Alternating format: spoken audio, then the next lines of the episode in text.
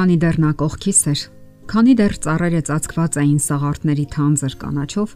այնպիսի բարերը, ինչպիսին աշունն էր, մեկնումն ու անջատումը,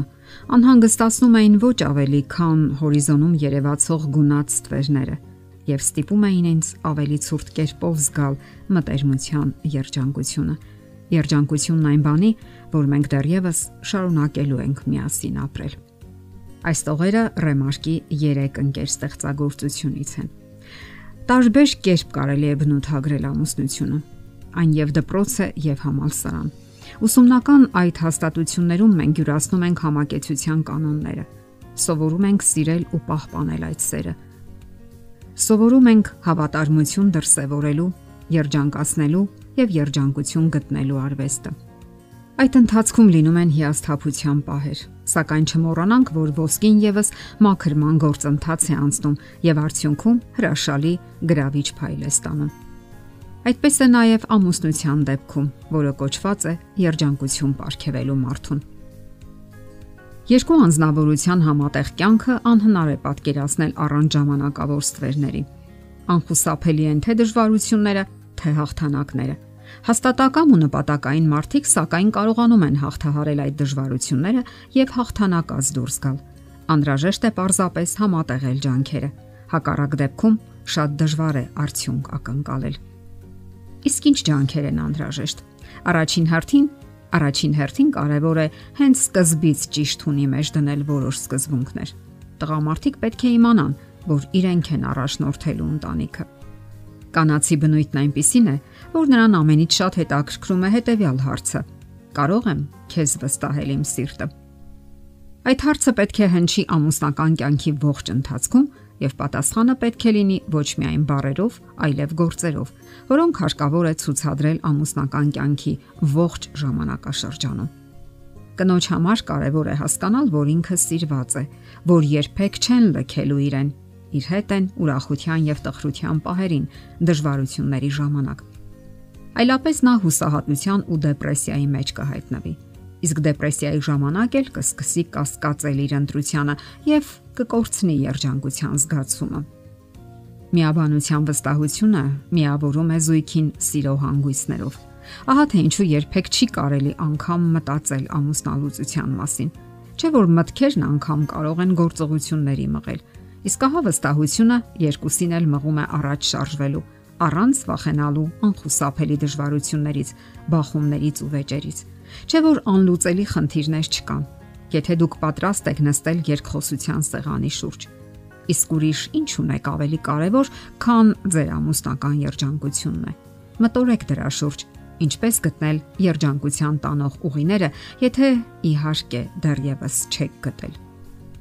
Հաճելի է գիտակցել, որ ձեր կյանքում գոյություն ունի ձեզ սիրող նվիրված անznավորություն, որ նա հասկանում է ձեզ եւ միշտ ձեր կողքին է Դա կյանքը հարստացնող զգացումներից մեկն է եւ այն սեր է ծնում։ Սեր, որ ներքին խոր անվտանգության զգացում է ապարգևում եւ թույլ է տալիս ամուսիններին հաղթահարելու կենսական բոլոր դժվարությունները։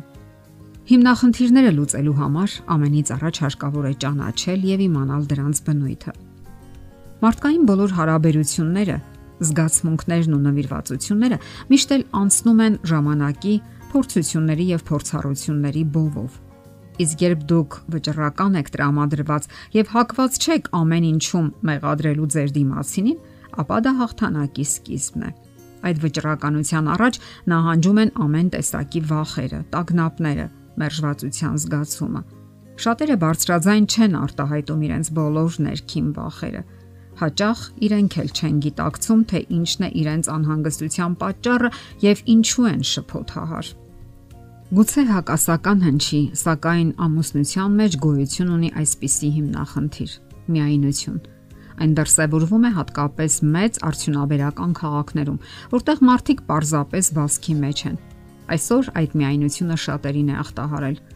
Շատերն էլ վախով են մտածում միայնության մասին, Նրանց հետապնդում է միայնության սարսափը, թեև չեն բարձրաձայնում։ Ոչ մեկին հաճելի չէ ողջ կյանքն ապրել առանց նրա, ով դժվար պահերին քո կողքին է, սատարում եւ աջակցում է։ Ժամանակն անցնում է։ Այնպես արեք, որ երբեք չափսոսակ անցյալի համար։ Ժամանակն իր հետ կբերի եւ ուրախություններ եւ տխրություններ։ Կլինեն թյուրըմբռնողություններ, տարաձայնություններ,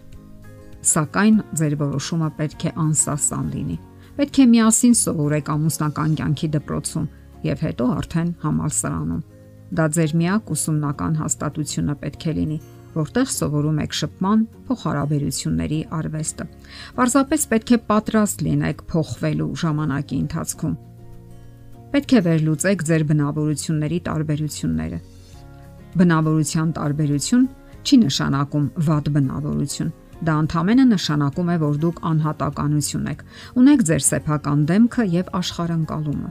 Իսկ արդյոք վատ է լինել եզակի եւ ուրույն անznավորություն։ Սակայն դա նաև չի նշանակում, որ դուք ամեն հնարավոր առիթով պետք է դիմացինին հիշեցնեք եւ պարտադրեք այդ տարբերությունները կամ էլ զգալով ձեր ինքնատիպությունը մտածեք դիմացինից փախչելու մասին։